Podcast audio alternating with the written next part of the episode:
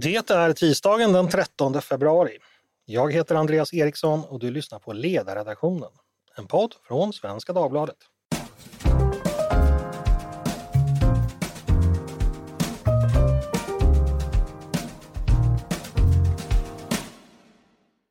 Varmt välkomna till oss denna fettisdag. Hoppas semlorna har smakat bra. Det har de i alla fall gjort här i Schibstedhuset kan jag berätta. Det har varit kö runt halva kvarteret. Men idag ska vi inte prata semlor utan banker. Ett ämne som jag tror intresserar många i det högbelånade Sverige. En orsak till att det här ämnet har blivit aktuellt just nu eh, det är att bankernas vinster eh, har vi fått precis reda på och utdelningar till ägarna och det har blivit en politisk eh, omdiskuterad sak. Tidigare i år, i januari, förklarade finansministern att hon tyckte att utdelningarna var citat provocerande givet hur tufft vi hushåll har det just nu. Och Socialdemokraterna och Vänsterpartiet, eh, därifrån är kritiken ännu hårdare. Det vet ni ju. Därifrån talas det om övervinster och att man vill lägga en särskild skatt på, på bankernas vinster till och med. Så det här har ju varit omdiskuterat. Frågan är bara vad ska man tänka om detta? Eh, är de vinster som bankerna gör just nu anmärkningsvärda? Exempelvis jämfört med andra branscher eller hur det har sett ut historiskt eller vid en internationell jämförelse. Vad exakt är det bankerna gör vinst på? Hur ser deras affär egentligen ut? Och hur fungerar banksektorn i Sverige rent generellt och vad ska man kanske tänka på som bankkund? Det är det vi ska fundera vidare på idag. Jag är glad att hälsa dagens gäster välkomna. Bo Becker, professor i finansiell ekonomi vid Handelshögskolan i Stockholm. Varmt välkommen hit Bo! Tack!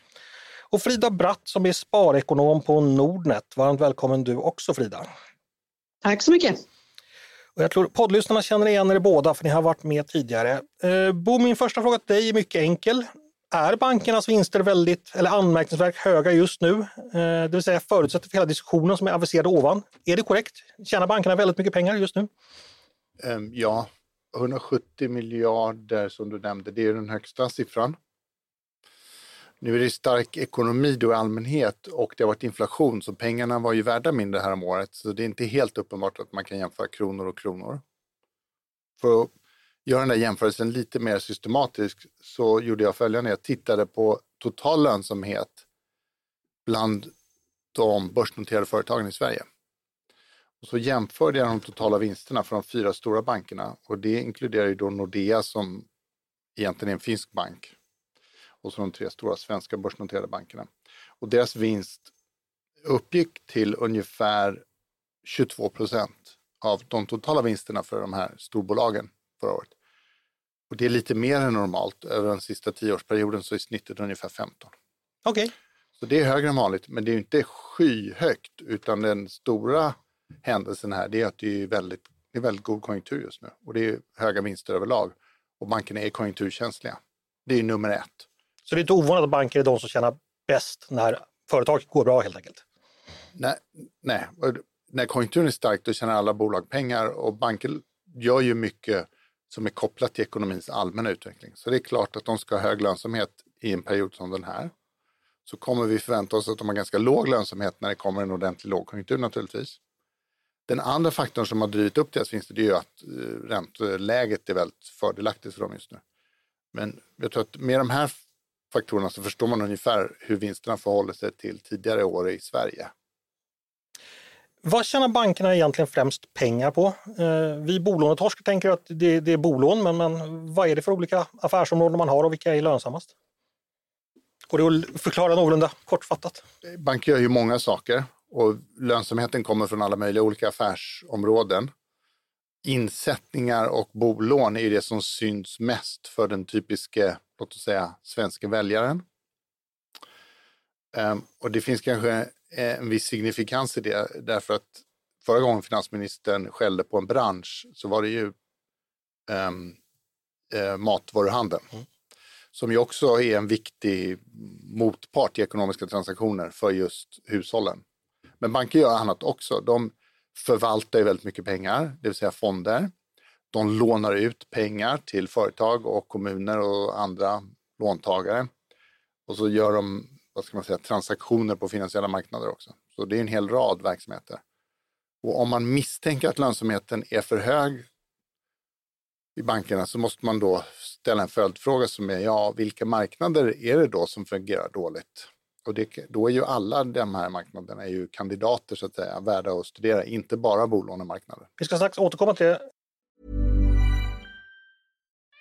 We love our pets, but when the floor is covered in fur, that's harder to love. Eufy X10 Pro Omni Robot Vacuum has powerful 8000 PA suction to make hair vanish from floors in just one pass. Plus, the roller brush has automatic detangling for easy hands-free maintenance. Want to know more? Go to eufy.com. That's EUFY.com and discover X10 Pro Omni, the best in class all-in-one robot vacuum for only $799.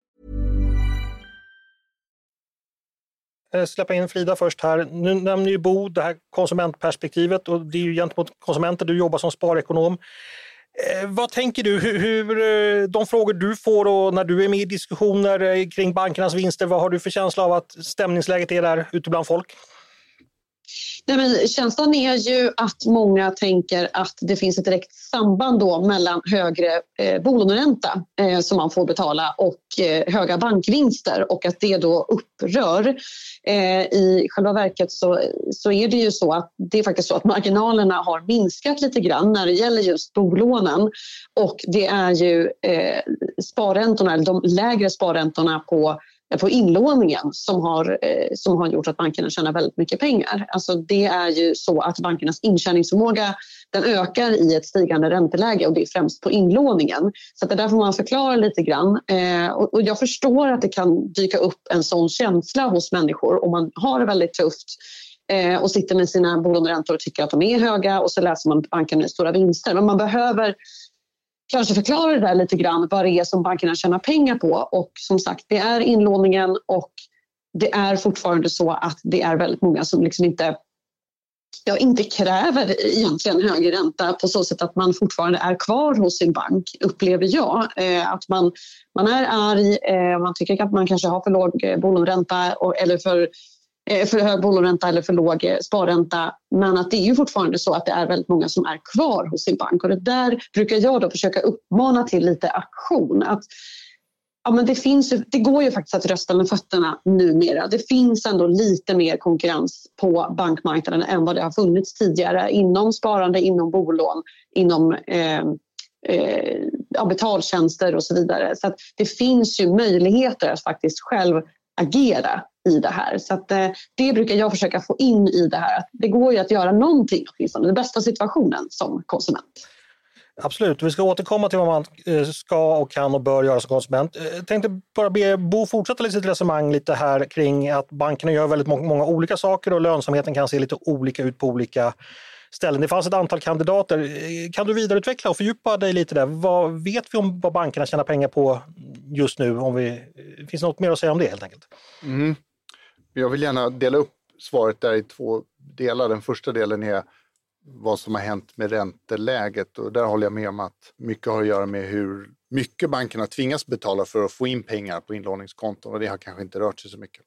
Så det är nummer ett, då, räntorna. Nummer två är strukturellt, är det dålig konkurrens. Men låt oss börja med räntorna. Eh, Finansinspektionen räknar ut något som kallas bolånemarginal. Det vill säga, vad är bankernas ungefärliga finansieringskostnad för bolån? Och vad är deras, um, den ränta de belastar bolånetagarna med?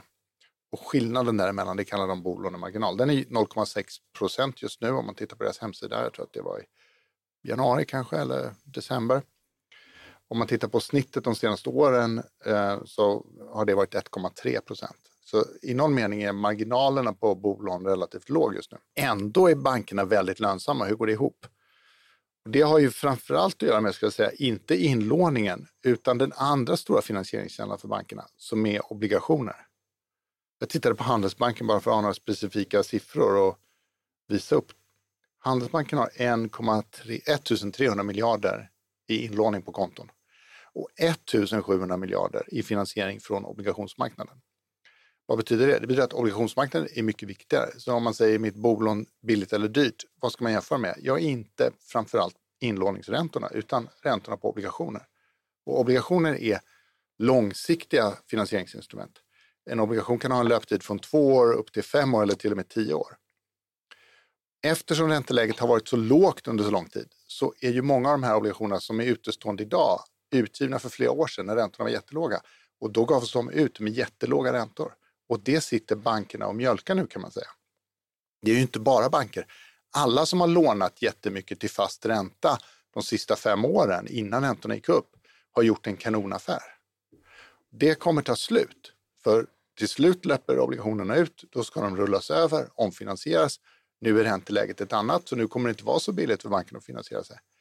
Fram till att de hinner omsätta sin finansieringsstock så kommer de ha ovanligt hög lönsamhet.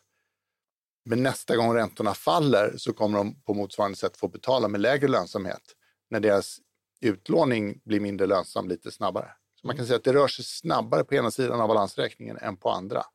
Det är huvudanledningen att räntorna givit en skjuts till bankvinsterna och det är då tillfälligt, är ju huvudslutsatsen. Mm. Det där är ju väldigt viktigt att hålla i huvudet allihopa, tror jag. Att det finns alltså då i bankernas finansieringskostnader så finns det då gamla löptider inblandade.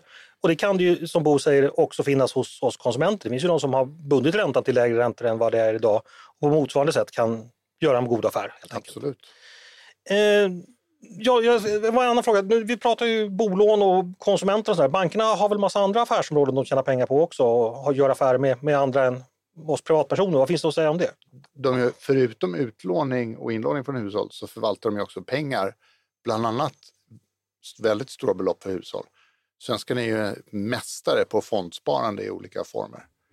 Och mycket av det ligger hos bankerna. Ehm, och enligt en branschorganisation eh, som jag kollade av eh, tidigare idag så är genomsnittskostnaden 0,9 procent för en ehm, aktiefond i Sverige idag. Och det är väldigt högt. Det är i och för sig lägre då än låt oss säga Polen och Portugal. Men om man jämför med andra väldigt välutvecklade finansiella marknader som USA, Kanada, England så är 0,9 väldigt högt och låter som ett tecken för mig på dålig konkurrens på den marknaden. Mm. Så där kan det finnas god lönsamhet. Och sen finns det företagsutlåningen. Och hur lönsam är företagsutlåningen? Det är jättesvårt att svara på. Vad ska man säga? Det behövs mer forskning. Man kan gissa att det finns relativt få banker i Sverige och att det därför är relativt dålig konkurrens och att det ska vara intressant att fundera på mekanismer för att öka konkurrensen även på den marknaden. Mm. Eh, Frida, vad tänker du? Banker gör mycket mer saker än vad gemene man eller kund kanske tänker på och pengar som de tjänar kanske kommer från helt andra håll. Eh, är det någonting som folk som vi bankkonsumenter förstår i tillräckligt hög grad skulle du säga? Nej, jag tror att det är ganska många. Just i den här, alltså, därför blir ju debatten ganska ensidig eftersom som sagt både från medias sida tror jag, även politiker, alltså det är ju alltid eh, riskfritt att skälla på banker och att göra det ur liksom, bolånetagarens och hushållens eh, perspektiv.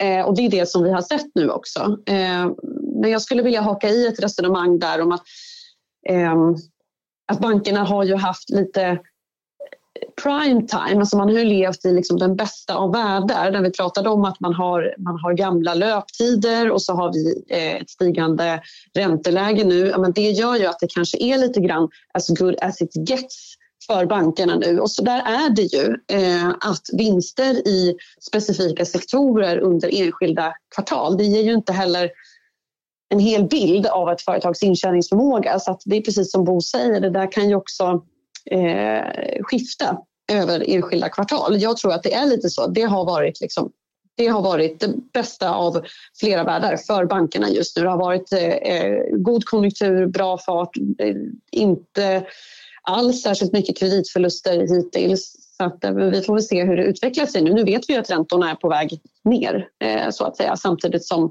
eh, lån ska eh, obligationer löper ut så att säga. Mm. Så att, eh, ja, det blir intressant att se om det blir de här rekordvinsterna följande kvartal. Jag tror ju inte det. Man kan ju notera att börsen håller med dig. Därför att ja. aktiekurserna på de här stora bankerna har inte gått upp alls i närheten så mycket som vinsterna. Och det är ju tecken på att börsen inte tror att de kommer fortsätta vara. Så där har ju du gott stöd kan man säga. Mm. Ja men så är det verkligen. Eh, och, och där finns det också lite då att man eh, ja, men kanske exempelvis då det, enskilda fall, men Handelsbanken ogillas exempelvis då för att eh, åtminstone eh, internationella investerare ser att exponeringen mot fastigheter som är lite, så det finns lite sådana såna, eh, faktorer också som kanske påverkar just börskurserna. Men jag tror absolut att det är så att det är många investerare som ser att ja, men det här var så bra det kunde bli. Nu kommer det kanske bli lite svårare eh, att göra de här enorma räntenettona framöver. Eh, en fråga rör utdelningarna, för det är ju någonting som vi har sett i media. Av de här 175 miljarderna man har gjort vinst delar man ut drygt 100. Bo, har du några tankar om det? Är det anmärkningsvärt mycket eller lite givet resultatet eller kan man ha några åsikter om det? Mm, jag tycker att 100 miljarder kronor är mycket pengar, det vill jag ju säga ja, först. Det vill jag hålla med om. Sen vill jag säga att jag tycker det var olyckligt om vi importerade den här infekterade debatten om utdelningarnas storlek som är så liksom vildvuxen och stökig i USA. Vad gör utdelningarna? De gör att man flyttar kapital ut ur mogna bolag och därmed ger andra bolag möjlighet att skaffa finansiering eller hushållen och kapitalägarna möjlighet att göra andra investeringar. Så det är i grund och botten väldigt hälsosamt att mogna företag med begränsade investeringsbehov lämnar ifrån sig pengarna till ägarna. Det i sig är sunt. Och speciellt om man har tillfälligt väldigt höga vinster som man inte normalt behöver så måste man ju kunna dela ut dem. Så det tycker jag är att de åker ut ur bankerna, det är inget fel med det. Den svåra frågan det är om lönsamheten i sig är för hög och då tycker jag vi kommer tillbaka till den här strukturella frågan om konkurrensen är dålig på vissa marknader som de agerar på. Mm. Men vi kan väl ta den då. Eh, det, det, har ju diskuterats ganska ofta. Många har ju betraktat att säga att det finns så få svenska banker att det är ett oligopol, det är inte en välfungerande marknad. Vad vet ni forskare om det? Mm, eh, om, eh, ja, eller för det första, om en marknad eh, har dålig konkurrens, vad, vad har det för nackdelar? Om vi börjar med det. Ja, Precis, man tror kanske att priset blir för högt för köparen då på en marknad där säljaren inte har någon att konkurrera med. Eller för att göra det konkret, om vi pratar om bolån, om det finns väldigt få att låna pengar från ehm, så blir det väl för hög ränta helt enkelt på bolånen i relation till bankernas finansieringskostnad eller ränteläget i allmänhet. Det är så svårt att mäta det för den där bolåneräntan ska ju kompensera för risk och löptid och det är krångligt att veta exakt om det är högt eller lågt det där priset. Så därför finns det inget jättebra svar från forskningen. Något som begränsar hur bra det här svaret är, det är ju att vi har inte detaljerad finansiell data på hushållsnivå tillgänglig för forskare i Sverige på det sätt som vi hade fram till 2007. Den samlades ju ihop då från början för att det fanns en förmögenhetsskatt och den här kopplingen mellan detaljerad data på hushållens finansiella beslut och balansräkningar å ena sidan och beskattning å andra sidan har gjort att det finns en allergi på sina håll i riksdagen mot tanken på att skaffa ordentlig information och det tycker jag är väldigt olyckligt. För det gör att jag kan inte riktigt svara på hur hög konkurrensen är om bolån just nu därför att vi har inte datamaterial att studera det helt enkelt. Eh, Frida, eh, forskningen kan inte besvara den frågan. Har du några tankar om hur konkurrenssituationen bland banker ser ut? Ja, det har jag. Jag tycker att den är ju bättre än vad den har varit. Sen kan den ju absolut eh, förbättras. Men det, det finns, det finns ju ändå utmanare, fintech-utmanare. För några år sedan så ploppade de upp som svampar. Nu har de kanske lite mer utmanande tider. Men det är ju fortfarande så att Eh, vi skulle kunna, alltså, hushållen skulle kunna vara mycket mer på tårna här och framförallt använda olika banker för olika ändamål. Det är man kanske inte riktigt så bra på som man kanske skulle behöva vara. Det vill säga man behöver inte ha samma bank för sitt bolån, sitt sparande eh, sitt sparkonto. Därför att även om det inte är så att det finns så väldigt många storbanker så finns det ju spar institut eh, och alla de här som erbjuder insättningsgaranti och så vidare. Det är liksom inget konstigt att eh, flytta sin buffert dit. Det är inte ens jobbigt. Eh, så där finns det ändå utmanare eh, när det gäller inlåningen. Även bolånen är det ju bättre än vad det har varit tidigare. Eh, och det visar sig ju exempelvis då att eh, faktiskt marginalerna har gått ner lite grann hos banken när det gäller bolån. Så att det går ju att liksom nyttja den situation som ändå finns mer. Sen är det klart att ja, konkurrensen kan säkerligen förbättras. Eh, så är det. Men det går att göra ganska mycket med det som vi har att jobba med nu också. Så att säga. Fördelen med den här frågan med konkurrens är att man vill ju alltid att den ska vara hög. Så man ser några policyinstrument, några förslag på reformer som ökar konkurrensen så behöver man egentligen inte veta exakt hur säker man är på att det är överlönsamhet eller dålig konkurrens. Det är ju bra med konkurrens. Eh, så till exempel försöker att öka rörligheten på tjänstepensionsmarknaden och göra det lättare att flytta pensioner. Försöker göra det lättare att flytta bolån när man redan har ett bolån, så inte bara första gången när man lånar utan senare under bolånets livstid så att säga, flytta. De försöken, de tycker jag är beundransvärda och det är utmärkt att det görs försök från alla möjliga håll, Finansdepartementet, Finansinspektionen och så vidare, att puffa det vidare, för det kan bara vara till nytta. Mm, jag håller helt med. Eh, när det gäller, ja, men, vi kom in där på pensionsmarknaden, det gäller ju samma sak där.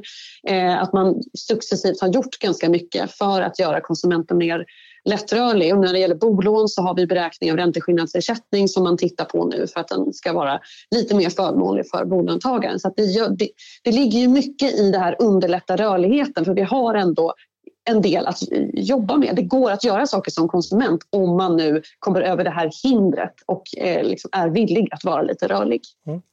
Eh, en fråga till Bo utifrån det Frida sa att det har poppat upp en del nya aktörer, att vi har alltid hört talas om ja, fintech och exempelvis sånt där. Är, hur betyder, mycket betyder det för eh, sektorn som helhet? Är, är de för små för att uh, rubba de stora jämvikterna eller händer det någonting? Vad skulle du säga? Till att börja med så man, man får börja i den änden Eh, att man har olika leverantörer av olika finansiella tjänster och det är såklart enklare att ha allting i en app. Eh, men om man vill få bra pris så måste man ju vara villig, det håller jag med om, och flytta kanske fonderna flytta insättningen, flytta sparkontot, flytta lönekontot. Ehm, och de digitala verktygen gör ju att det är så enormt mycket lättare, borde vara mycket lättare. När man tar bort de teknologiska barriärerna, då är det bara de byråkratiska kvar. Och de är ganska låga i Sverige och de faller på flera håll. Eh, så vill man ha låg, låga avgifter i sitt pensionssparande, ja då får man kanske flytta. Då får man kolla lite var det är lägst avgifter och flytta dit. Vill man se till att man inte betalar för mycket för sitt bolån, ja, då får man höra av sig till några andra banker och kolla om man kan få en bättre ränta. Ehm, och det är mycket lättare idag än det varit förut. Så jag är på vad ska man säga, medellång sikt ganska optimistisk. Mm. Jag bara tillägga där, jag tycker att eh, banksektorn har gjort ganska mycket ändå för att göra, öka rörligheten. Alltså man har Alltså om man jämför med pensionsbranschen så är det ganska stor skillnad faktiskt i hur man samarbetar.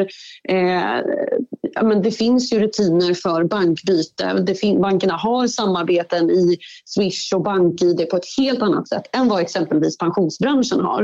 Eh, men ändå är det liksom banksektorn som politikerna alltid vill skälla på. Eh, det kanske de ska, men de kanske ska skälla lite mer på andra sektorer såsom pensionssektorn som liksom stretar emot alla former av liksom, samarbeten för att öka rörlighet och så vidare. Så det, det, jag är också lite ja, men optimistisk därför man i detta nu så diskuteras ju också hur man enklare ska kunna flytta sitt ISK exempelvis från en bank till en annan. Så att det finns ju sådana diskussioner och sådana ja, som kommer av att eh, branschen har tagit eget initiativ eller från EU-regelverk så att säga. Så att, eh, det pågår sådana saker hela tiden. Mm. Politikerna skäller ofta på bankerna. Eh, som jag nämnde inledningsvis så har både finansministern och från, alltså regeringen varit ute och oppositionen. Eh, Bo, vad tänker du när du hör politikernas eh, diskussioner och förslag och retorik kring banksektorn? Har de en poäng i sin kritik? Då får jag kanske erkänna här lite skamset att jag inte är så uppsjungen på svensk politisk debatt om bankreformerna. Jag snappar upp ett och annat.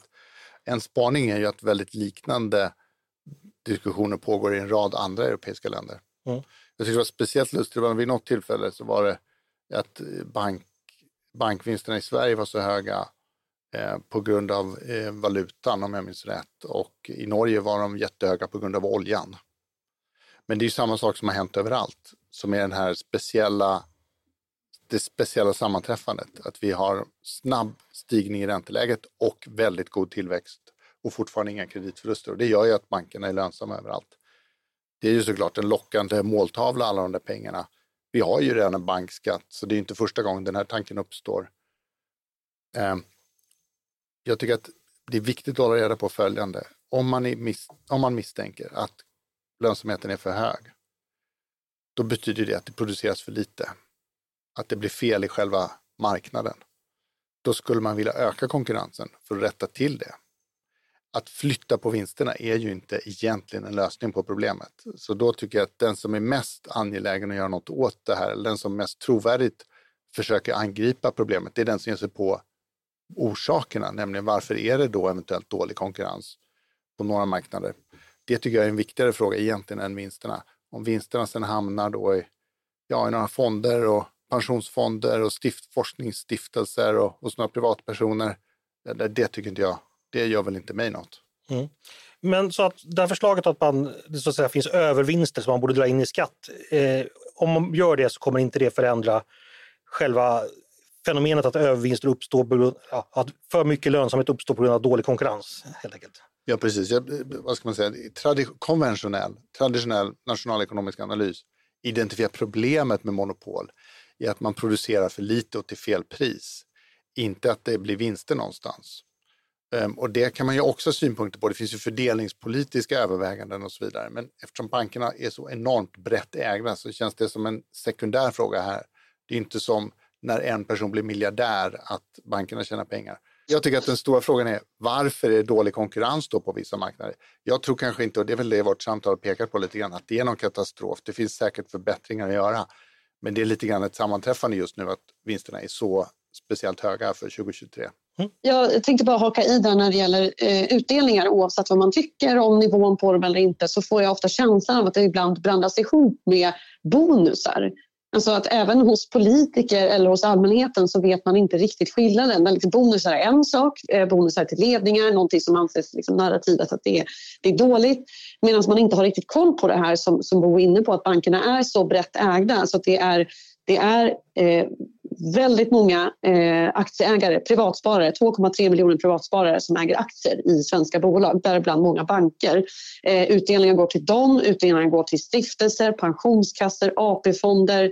Eh, alltså de, därmed så gör ju de här utdelningarna nytta i samhällsekonomin på ett sätt som kanske inte riktigt då eh, framkommer när man pratar om utdelningarnas nivåer. Det är, tycker jag är lite viktigt att prata om det eh, och nyansera den diskussionen också. Mm.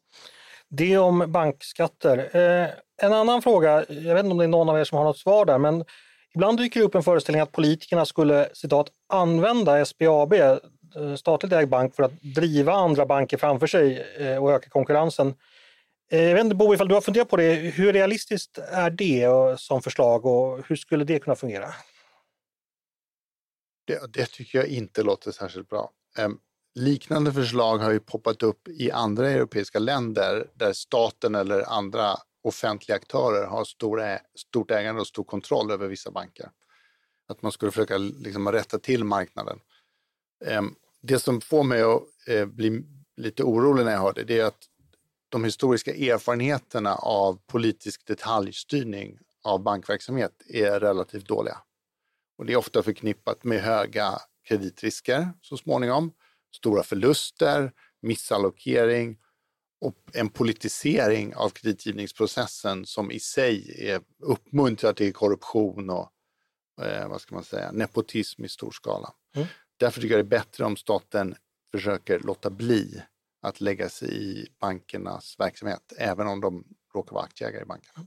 Tummen för det. Eh, Frida, vill du fylla på någonting där? Eh, nej, jag har ingen åsikt om just SBABs roll utan jag tror mer på det här som vi har varit inne på redan att eh, öka möjligheten till eh, för kunder att vara rörliga och aktiva och då tror jag mer på det här att, som man är inne på nu också att man ändrar ränteskillnadsersättning exempelvis. Eh, ja, att man, sen också man kan göra exempelvis då att man tydliggör det har man gjort också, tydliggör snitträntor snarare än listräntor. Alltså att man gör det enklare för konsumenten tycker jag eh, är viktigt för, eh, eh, så att konsumenten kan öka sin rörlighet. Alltså jag tror ju mer att göra mer på den fronten. Absolut. Vi ska ta sy ihop det. Jag tänkte bara höra om vi tittar lite framåt. Bo, du nämnde ju då att börsen tror ju inte, sa du, att den här väldiga lönsamheten ska fortsätta. Vad tänker du om de svenska bankernas framtid? Vad blir avgörande för deras framtida lönsamhet? Och kommer det tuffa på som, som alltid för dem eller händer det saker i branschen? Ja, jag, jag, jag, vill inte säga att jag har lyft på luren till börsen och, och, fått svaret att det ser mörkt ut för de svenska bankerna. Men det jag noterar är att börskurserna inte alls gått lika mycket uppåt som vinsterna har gjort. Och jag tolkar det som att förväntningen är om en normalisering, av en normalisering av vinstnivåer. Eh, 2024, 2025, kanske 2026 om man zoomar ut lite, så här, hur är läget med de svenska bankerna, så vill jag påstå att det är ju mycket som pekar på att det är gott.